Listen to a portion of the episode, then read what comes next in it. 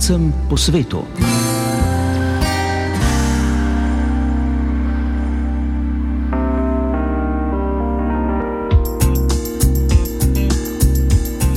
Lepo pozdravljeni, dragi prijatelji naše oddaje, tako v tujini kot doma. December je zažarel v soju prazničnih luči in številna mesta so se že odela v praznično podobo in vzdušje, ki ga prinaša zadnji mesec v letu. V tem času tudi naši rojaki v tujini pripravljajo nekatere tradicionalne prireditve. V Beogradu so prav v teh dneh pripravili že osme dneve slovenskega filma. Podrobneje o tem takoj po uvodu. Slovenska izseljenska matica je pripravila večer, na katerem so predstavili doktorsko delo argentinske slovenke Nadje Molek o procesih vzpostavljanja identitete slovencev v Argentini. Odprli pa so tudi razstavo likovnih del slovenskih izseljenskih umetnikov, ki so nastala na likovni koloniji na mostu na Soči. V oddaji boste slišali tudi zgodbo Mojce Mrak, ki je novi dom pred nekaj leti našla v ameriški zvezdni državi Kolorado. Seznanili pa vas bomo tudi z bližnjo zimsko šolo slovenskega jezika, ki bo letos potekala v Ljubljani in tudi po spletu. Oddaja bo tudi tokrat prepletena s slovensko glasbo po izboru glasbenega urednika Janeta Webra, skozi oddajo pa vas bom popeljala Lili Brunec.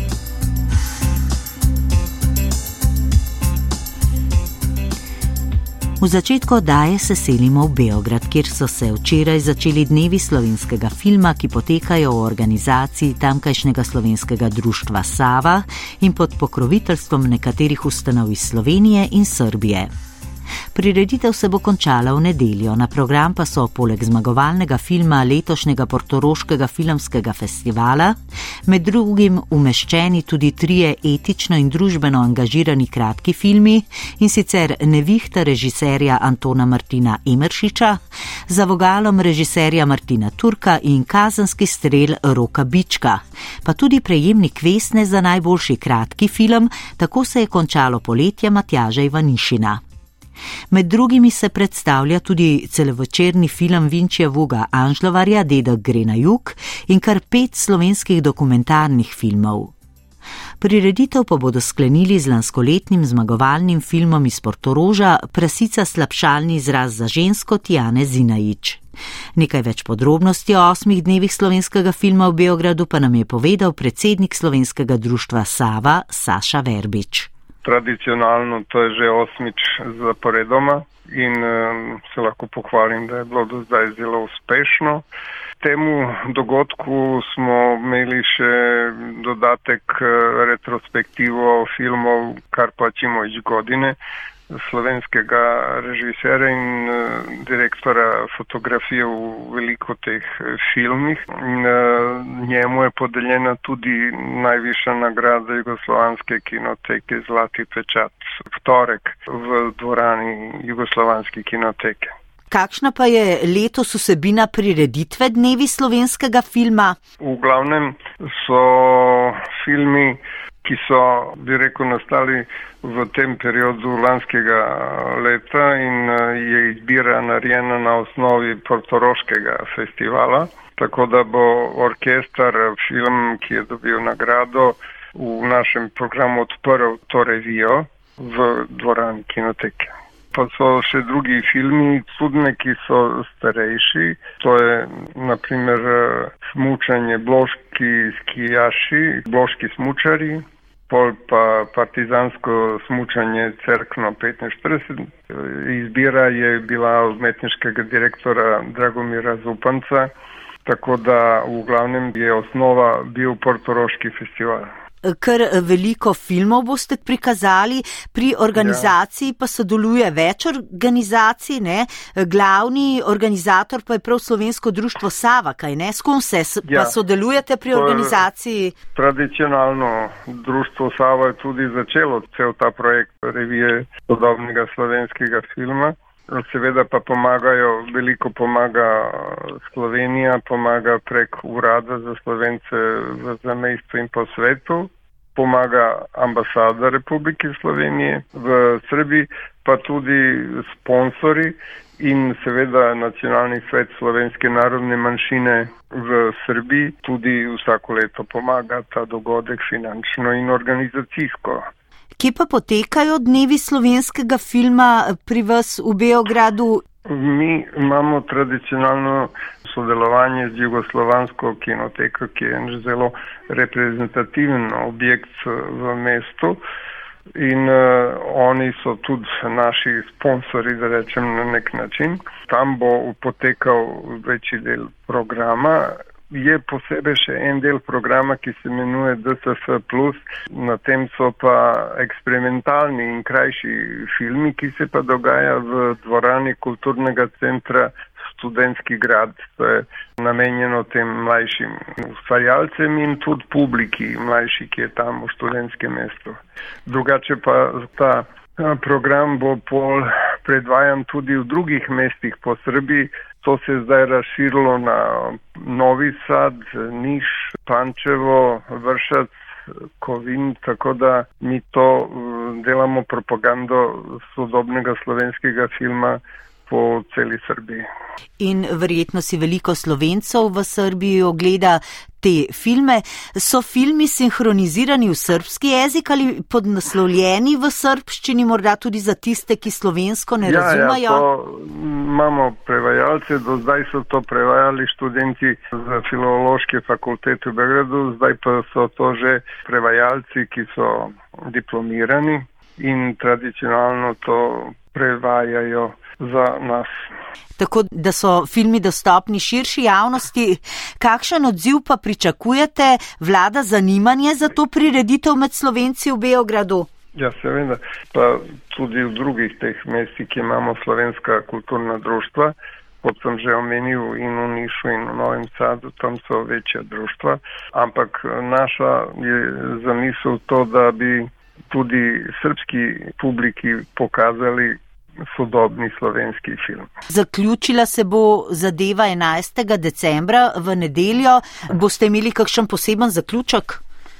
Imamo od popovdan od 18. prvo projekcijo, v kateri bo tudi en del na lepote Slovenije, en film, ki se imenuje Divja Slovenija, bo traja 83 minut in pol večerni program, s tem bo končan program. Pa vas bodo obiskali tudi kakšni gosti iz Slovenije? Ja, dosti naših iz tega sveta umetniškega. Naprimer, tu je razen Karpa godine Želimir Žilnik od teh slovenskih, bi rekel, poznanih imen. Bojan Labovič, tu bo igralec Mihajlo Bančevič, ki je iz tega filma Orkestar, ki je dobil nagrado na Portorožu, pa še režiserji Igor Šterk, Matjaž Ivaniš in to so gosti filma. Vzdan sem te čakal, vzdan prav do mraka, pa nisi prišla. Noč je mirna in tiha, včasih snežinka priplava z neba. Pride samotna snežinka, zgine neslišno mrak. Mesto negibno kot slika se ne spominja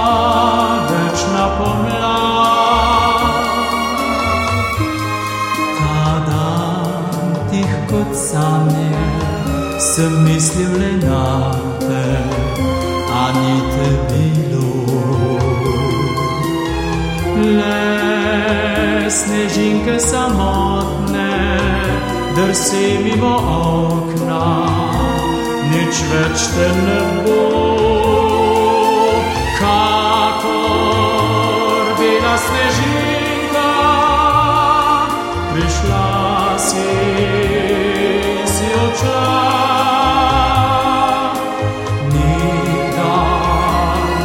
Se vrnila, bila se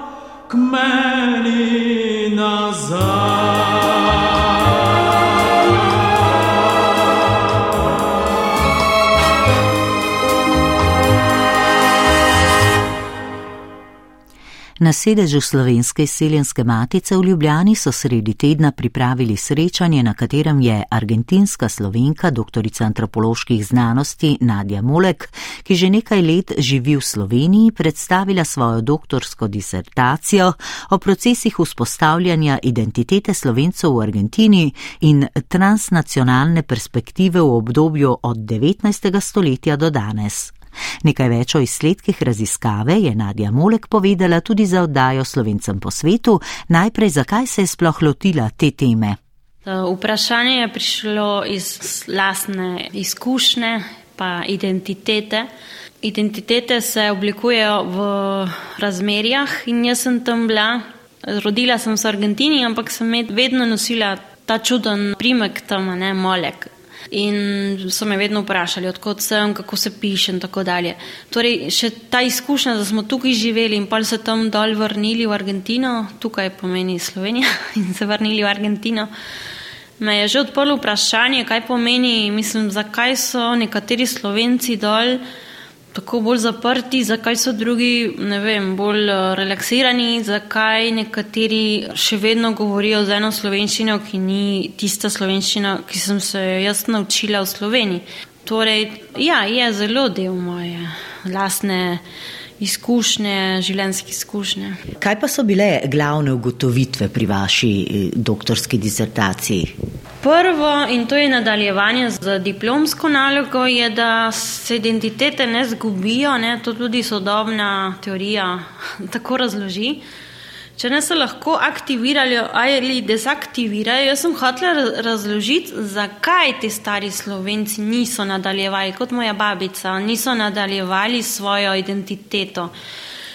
In uh, v pogovorih sem ugotovila, da naprimer, ko je ona prišla, biti slovenci je pomenilo biti komunist in zaradi tega so doživeli take neprijetne situacije. Ne. Tudi kot človek nisem bili vsi komunisti med, med vojnih slovencev, kakor mogoče mit govori.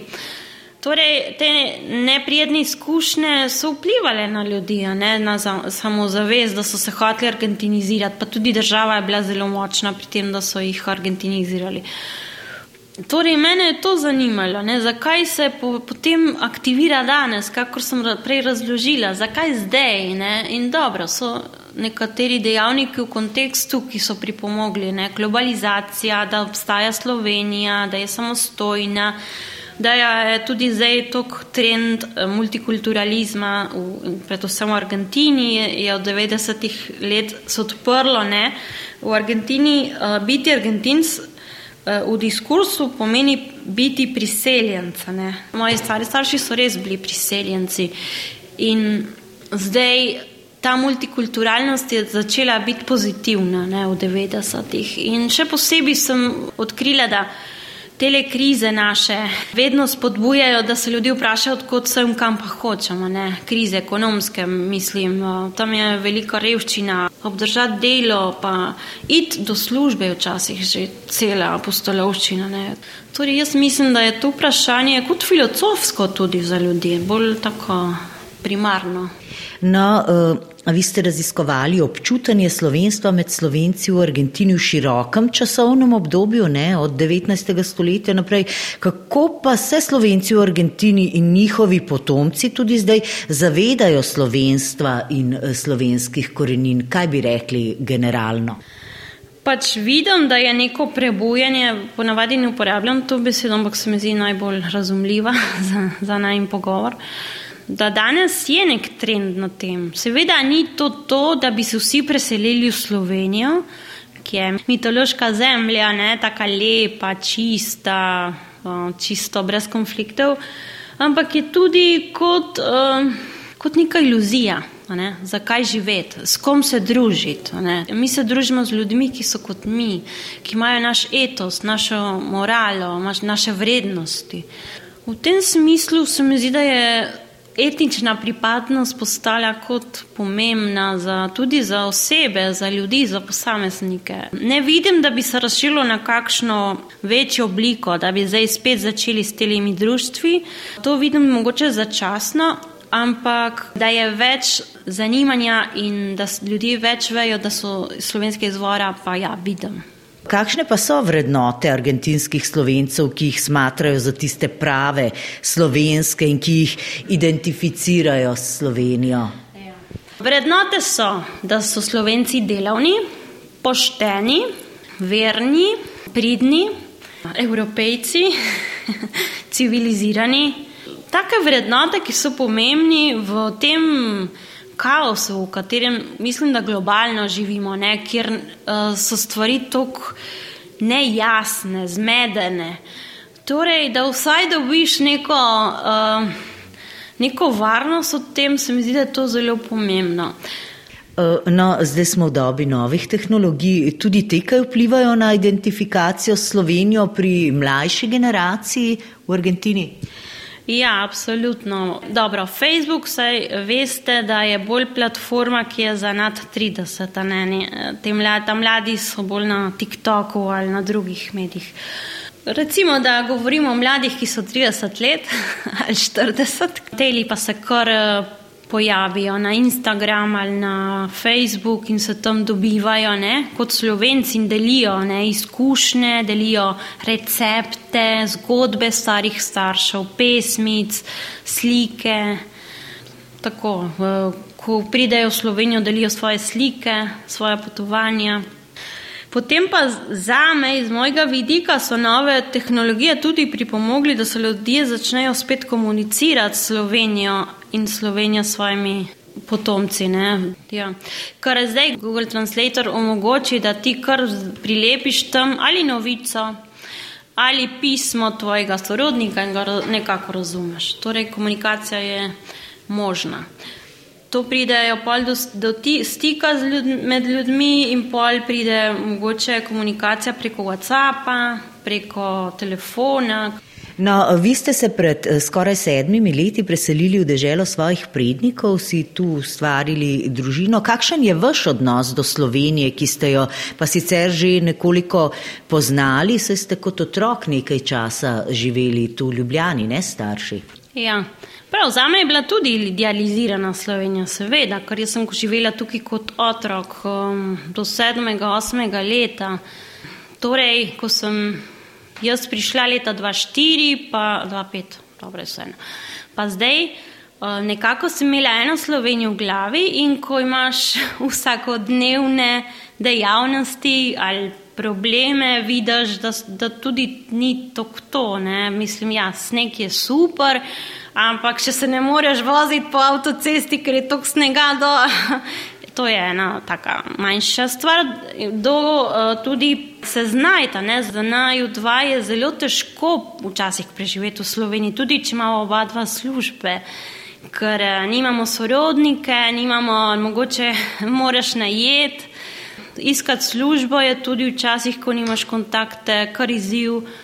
Torej, jaz se počutim imigrantka v tem smislu. Imam pa dodatek, da govorim slovensko, da poznam slovensko kulturo, da sem oseba, ki je zelo odprta in da se ful trudi, ampak eh, pri tem je ta iluzija mal padla. Ja. Moja povezava z Argentino sta moja starša. Jaz eh, sem človek, ki se prilagodi, kjer živi. Mislim, da nostalgija ni za me. obožujem nekatere stvari argentinske kulture in jih tudi prenesem tukaj kot asado, ne, meso na žaru. Ampak kar najbolj pogrešam je starša. Ja. To mi manjka, pa tudi za otroke. Ne. Zdaj imam družino, sem jo končno lahko ustanovila, pa nista, pa to mi res manjka. Ja. Ja, jaz sem Argentinka in sem Slovenka, čeprav tukaj sem različna, ne. nisem tista običajna slovenka. Eh, se čutim pa odprta, ne? jaz se čutim tudi evropejka, se, mislim, jaz sem ja, bolj široka v glavi, torej se ne zaprem na eno identiteto. Danes je tako lep sončen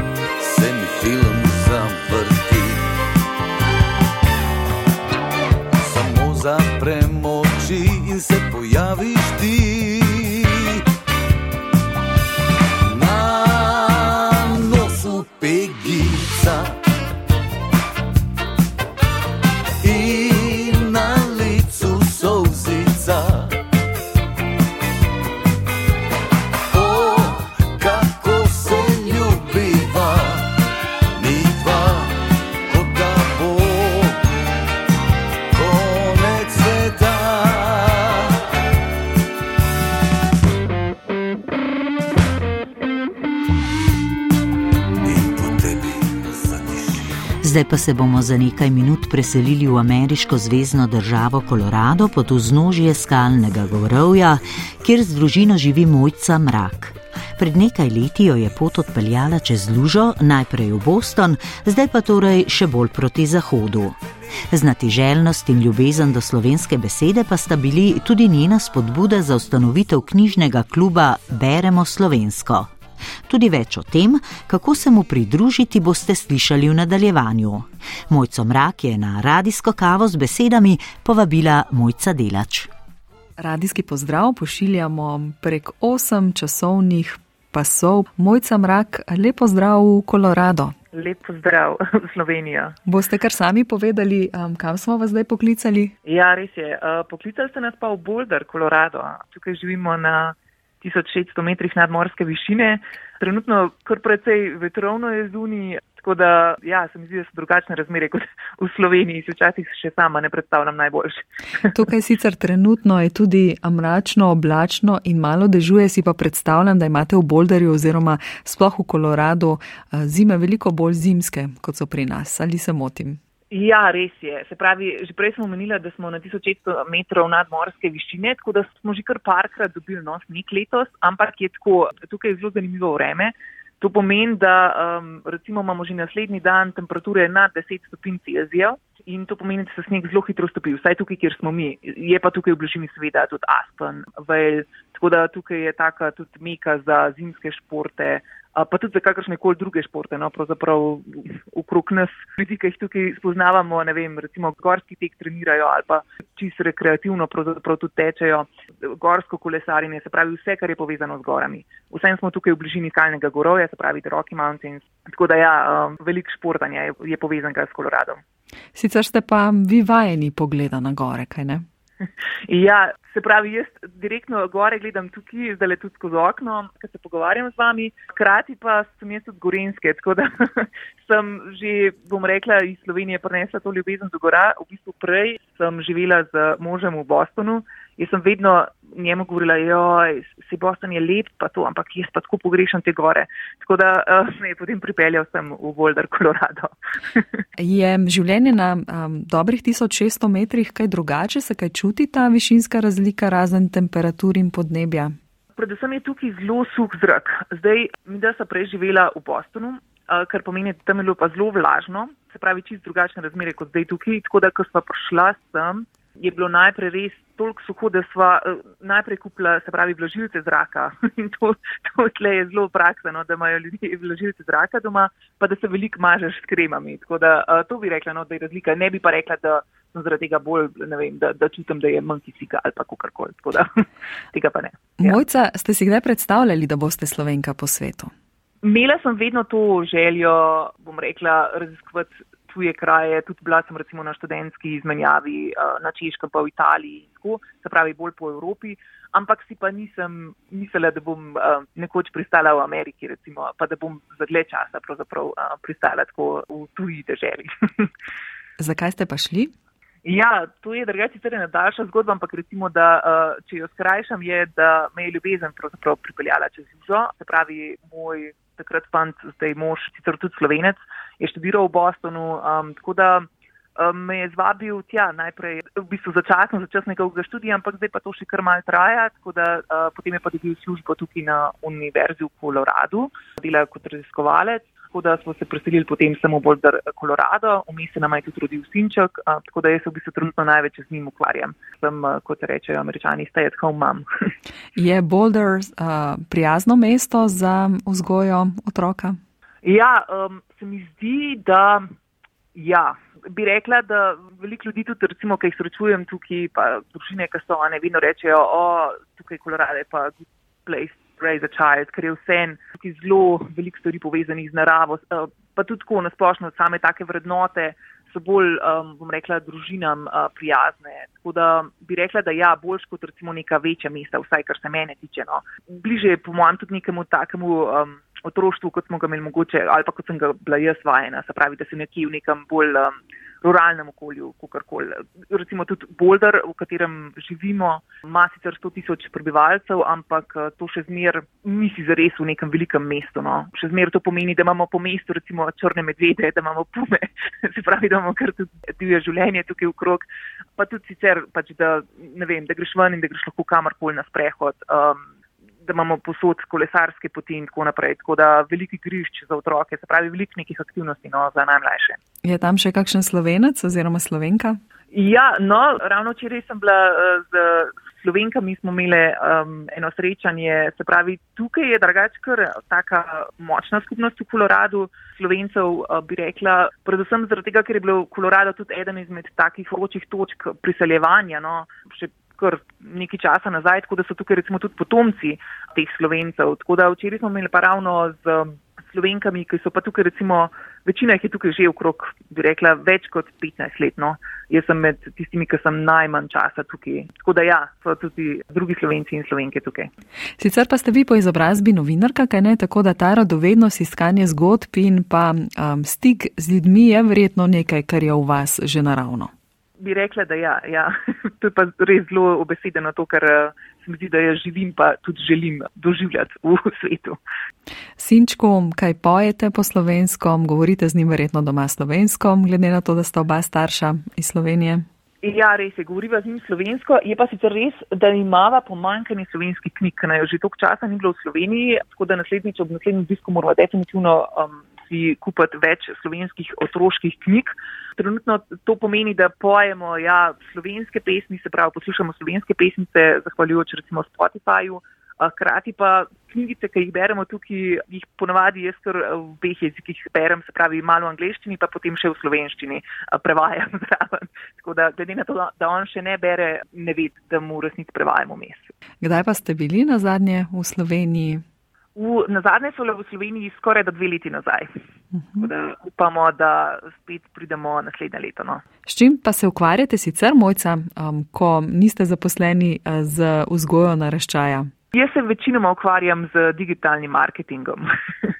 Prebrala sem, da je Boulder mestom, kjer je dobro začeti um, svoje podjetje oziroma je takšno stimulativno okolje. za delo. To drži iz vaših izkušenj? Ja, to je res. Eh, se pravi, Boulder je zelo eno tako, en tak tehnološki hub postaja. Mm, ena stvar je v bistvu, da je tukaj Univerza v Koloradu se vršte širi in tudi, eh, bom rekla, Univerza v Koloradu velik, bom rekla, dobro izobraženih eh, ljudi na koncu generira, da temu tako rečem.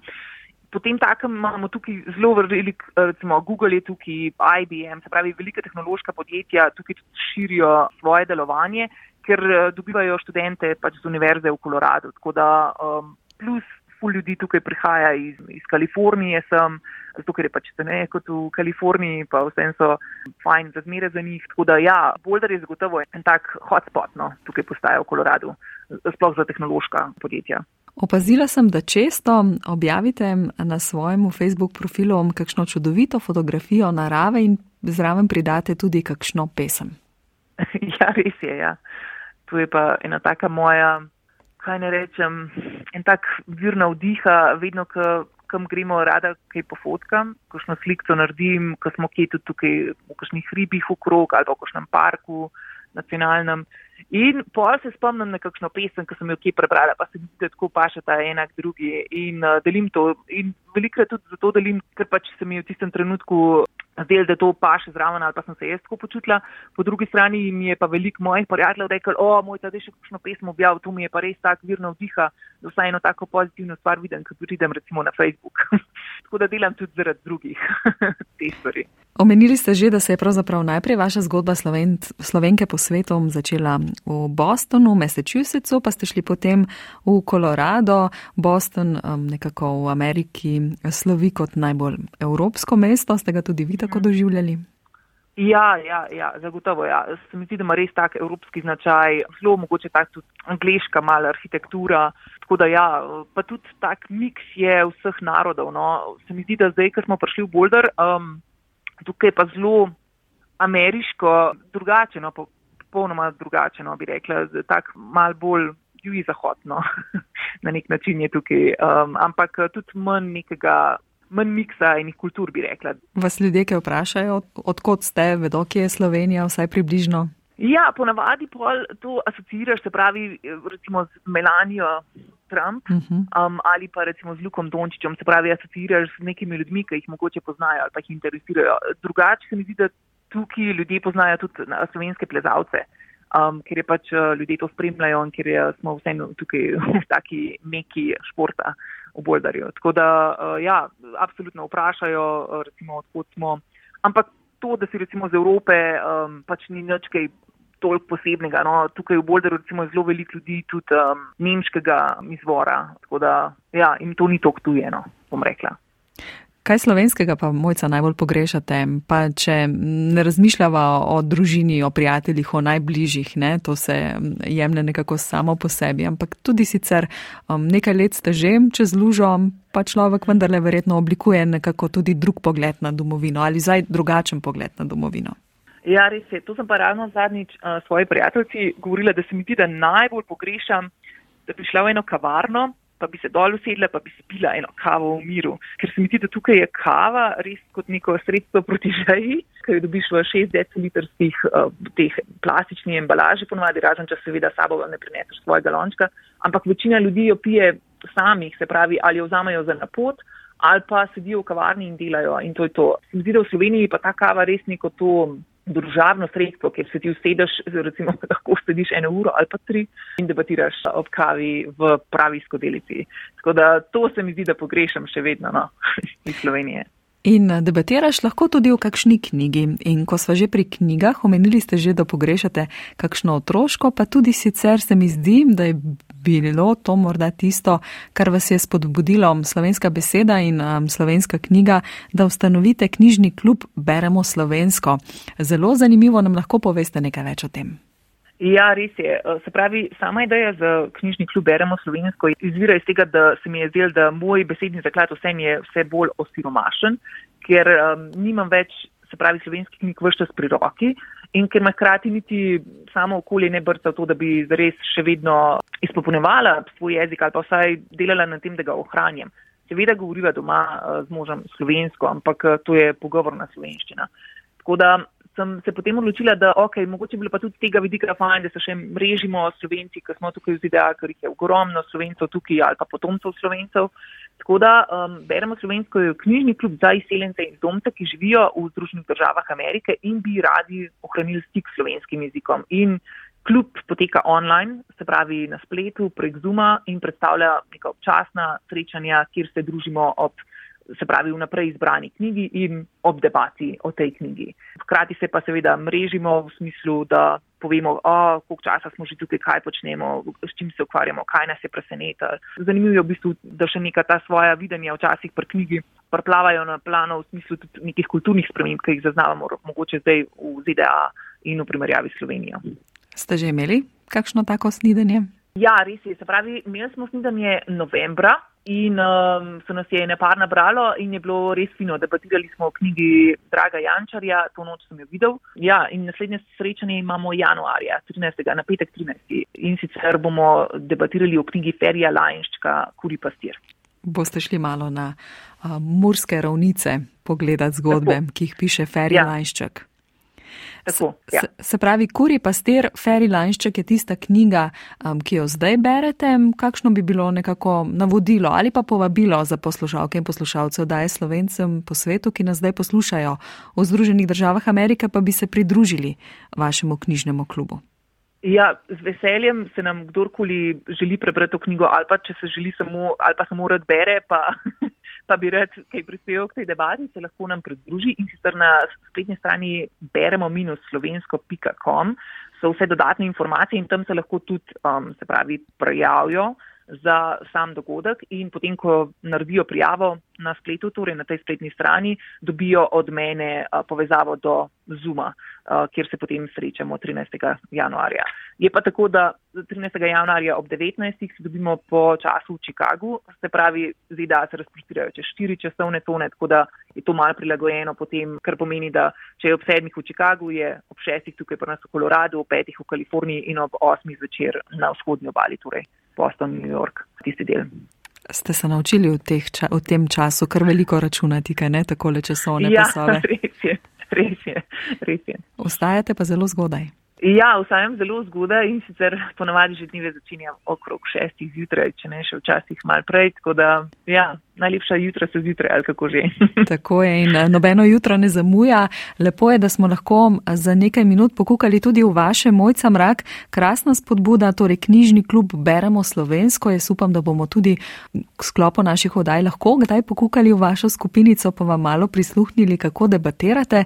Sicer pa me zanima samo še, kako bo izgledal december v Koloradu oziroma v Boulderju. A je to takšno ameriško mestece, kot si ga predstavljamo iz filmov? To pomeni, da so hiše okrašene, da vse žari v, v stilu Božiča in da se praznično vzdušje stopnjuje? Ja, v bistvu je že zelo praznično tukaj. Realno je tako, da se mi zdi, da praznično vzdušje in okrašene stvari so že takoj po Halloween, se pravi po noči čarovnic. Uradno naj bi se pa začelo to praznično vzdušje po zahvalnem dnevu, se pravi po zadnjem četrtku v novembru, potem, ko poješ porana in tako in potem tudi postaviš smrekco in vse ukrasiš. Tako da je trenutno že kar precej ukrašeno okrog nas. Trgovine bi pa rekla, da je še največji seveda podarek vedno na potrošništvu tukaj, tako da še največ, največ k nakupom spodbujajo seveda trgovine, oglasi in tako naprej. Tako da uh, zagotovo zelo praznično, ja. No, mi da pa lahko vsekakor spodbudiva, um, če že za nakup tudi kakšne knjige, še toliko lepše, če je slovenska, da ohranja torej ta stik z rodno domovino in pa z maternim jezikom. Um, samo še eno vprašanje za konec, katero slovensko skladbo ste si zaželeli, da vam jo pošljemo v Kolorado? Ja, bi pa si zaželela Rudija Bučarja, tisti ljudje. Tisti ljudje eh, bodo v eter šli za vas, mi pa vam mahamo iz Ljubljane, tako le čez Lužo, vse do Kolorada. Lepe pozdrave tudi soprogo in vašemu sinčku in eh, kot omenjeno se veselimo, da se še slišimo o daji slovencem po svetu. Najlepša hvala in lepo zdrav v Slovenijo. Sanjamo z odprtimi očmi in gledamo na lepe stvari. Slišimo nežne glasove, ki v mehko melodijo nas ovijajo. Slišimo nežne glasove, ki v mehko melodijo nas ovijajo. Oja, to smo tisti ljudje, ki pojemo in plešemo. Oja, to smo tisti smo soncem obsijani in gledamo naprej, ki smo soncem obsijani in gledamo naprej. Ko gledamo z višine na ta svet, se tu in tam zazdiva spreklet. Če se spustimo z oblakov na hribe in gore, nas reka pelje v sinje modro morje.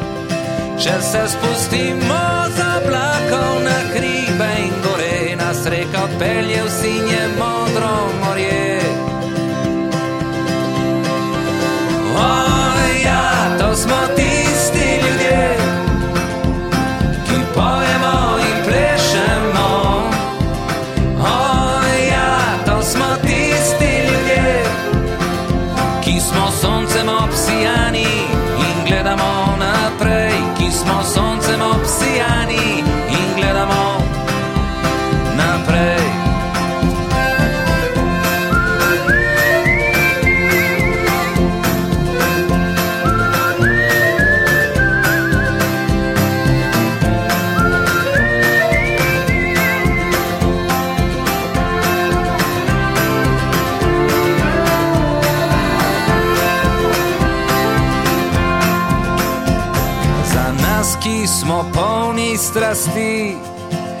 prave duše nas nič ne skrbi.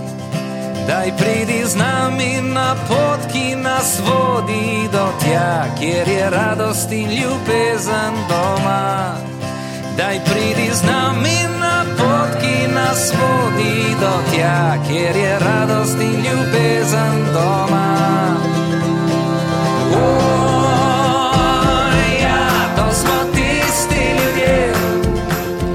zadnjem delu oddaje pa še nekaj informacij povezanih z 29. zimsko šolo slovenskega jezika, ki se bo v organizaciji Centra za slovenščino kot drugi in tuji jezik Filozofske fakultete začela v drugi polovici prihodnjega meseca.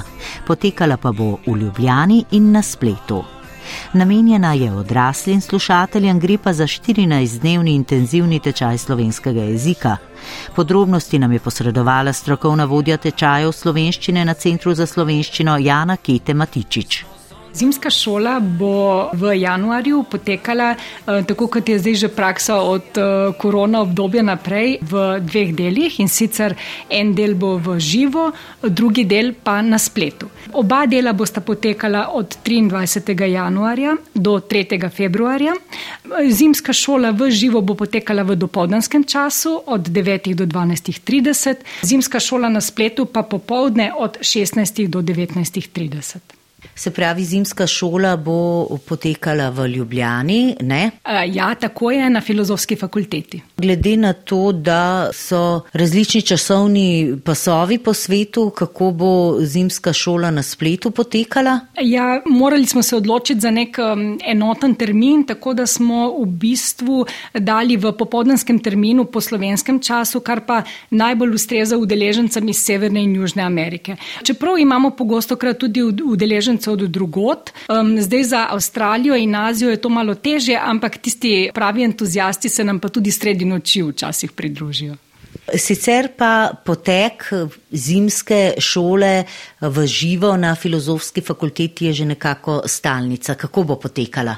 Ja, tako kot ponavadi, 14 dni v januarju in na začetku februarja poteka v dopoldanskem času ta naš reden program, se pravi ta splošen tečaj, v popoldanskem času od 14 do 15.30 pa si bodo udeleženci lahko izbrali tudi enega od izbirnih popoldanskih tečajev. Tako kot vsako leto je dopoldanski tečaj, ki je bolj splošen, je namenjen se pravi vadenju vseh sporazumevalnih zmožnosti, potem pa imamo na popoldanskem izbirnem tečaju imajo udeleženci to možnost, da si izberejo, ali bojo vadili potem bolj konverzacijo, ali bolj slovnico, ali se bodo mogoče ukvarjali s slovensko literaturo in kulturo.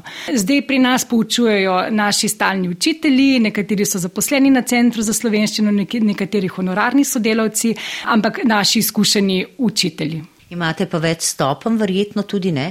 Ja, tako je. Ponavadi imamo 4 do 5 skupin in toliko tudi stopen, se pravi začetniki, nadaljevalci, spopolnjevalci in tudi stopnje vmes, če je treba. Kar veliko udeležencev se udeleži tudi zimske šole slovenskega jezika, to je precej intenziven tečaj. Odkot pričakujete udeležence? Eh, ja, precej jih je in udeleženci so ponavadi tako kot na poletni šoli, ki je naša največja prireditev z celega sveta. Eh, nekaterim podelimo tudi štipendije, tako da letos jih bo prišlo tudi kar nekaj iz Argentine, eh, pa iz ZDA. Drugače pa, ja, kot sem že omenila, iz celega sveta, tudi iz Kitajske, iz Avstralije, večinoma jih je pa iz evropskih držav spletna zimska šola bo potekala usporedno z zimsko šolo na filozofski fakulteti. Kako boste pa tam prilagodili pouk? Kakšen bo tam pouk preko spleta? Rabijo kakšna posebna orodja za spremljanje tega pouka? Ja, pouk preko spleta poteka zelo podobno kot pouk v razredu. Učiteljica je aktivna, udeleženci so vse čas aktivni, delajo tudi v parih, v skupinah, ker vsa ta spletna urodja zdaj to omogočajo. Um, veliko je tudi zanimivih iger spletnih, tako da poteka zelo, zelo podobno in tudi udeleženci so navdušeni nad spletno obliko tečaja, tako da jih imamo vsako leto več, tudi zdaj po epidemiološkem času.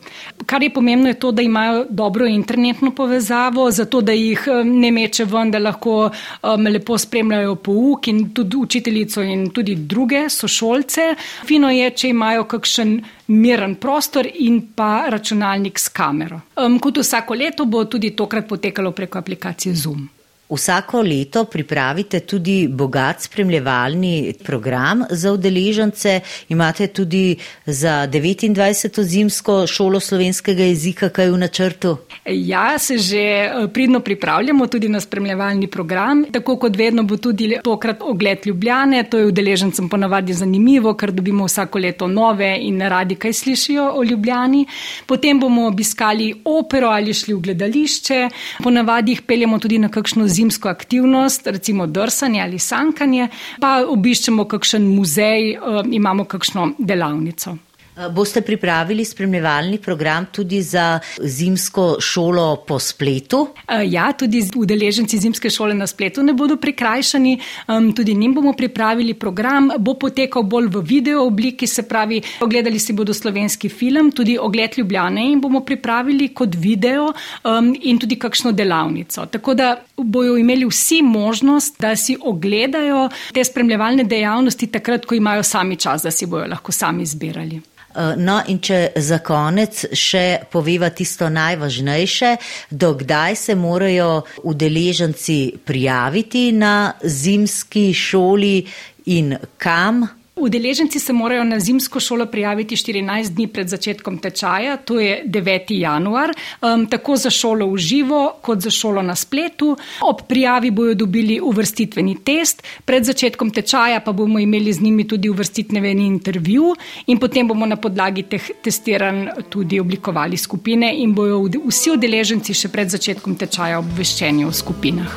Prijavijo se na spletni strani Centra za slovenščino, trikrat dvojni ve, centr slo www.tečaj.si. Pod tečaj slovenščine bodo našli prijavnico za tečaj. Spomnim se julijskih noči,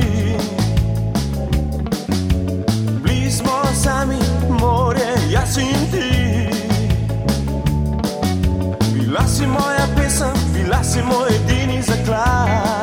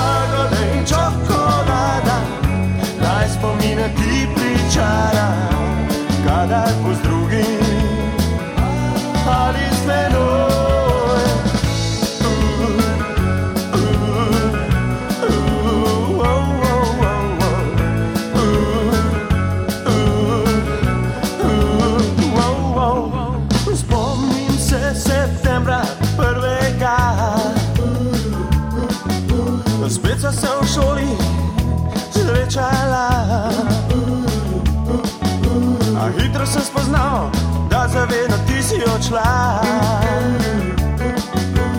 Tam na šolskem vrtu z drugim se poljubljala, ostal sem sam. Wow, wow, wow, jagode in čokolada, ne razmišljaj, ko si mlada, srce na te vodi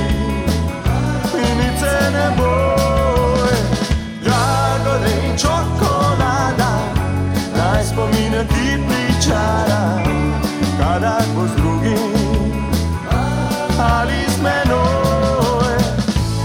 Jaz ljubim, ljubim, jaz ljubim, veš, ljubim. In naj se ona spi, naj se ona spi, če ne bo,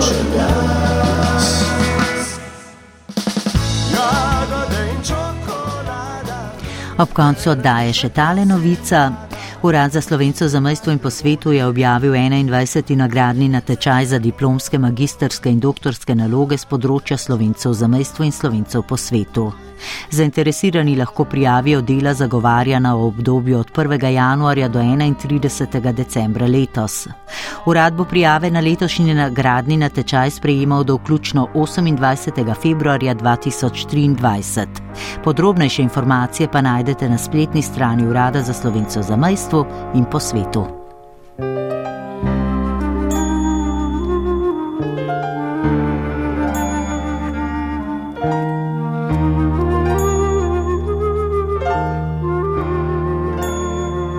In takole ob glasbi se končuje tudi nocošnja oddaja slovencem po svetu. Pripravili smo jo mojca delač in Lili Brunec, ki sem jo tudi vodila, glasbeni okvir je dodal Jane Weber in tonsko podobo Vjekoslav Mikes.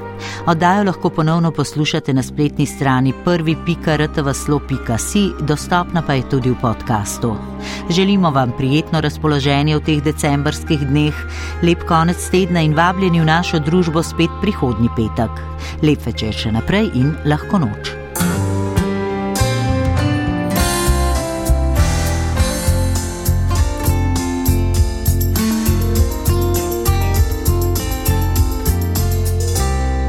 Slovencem po svetu.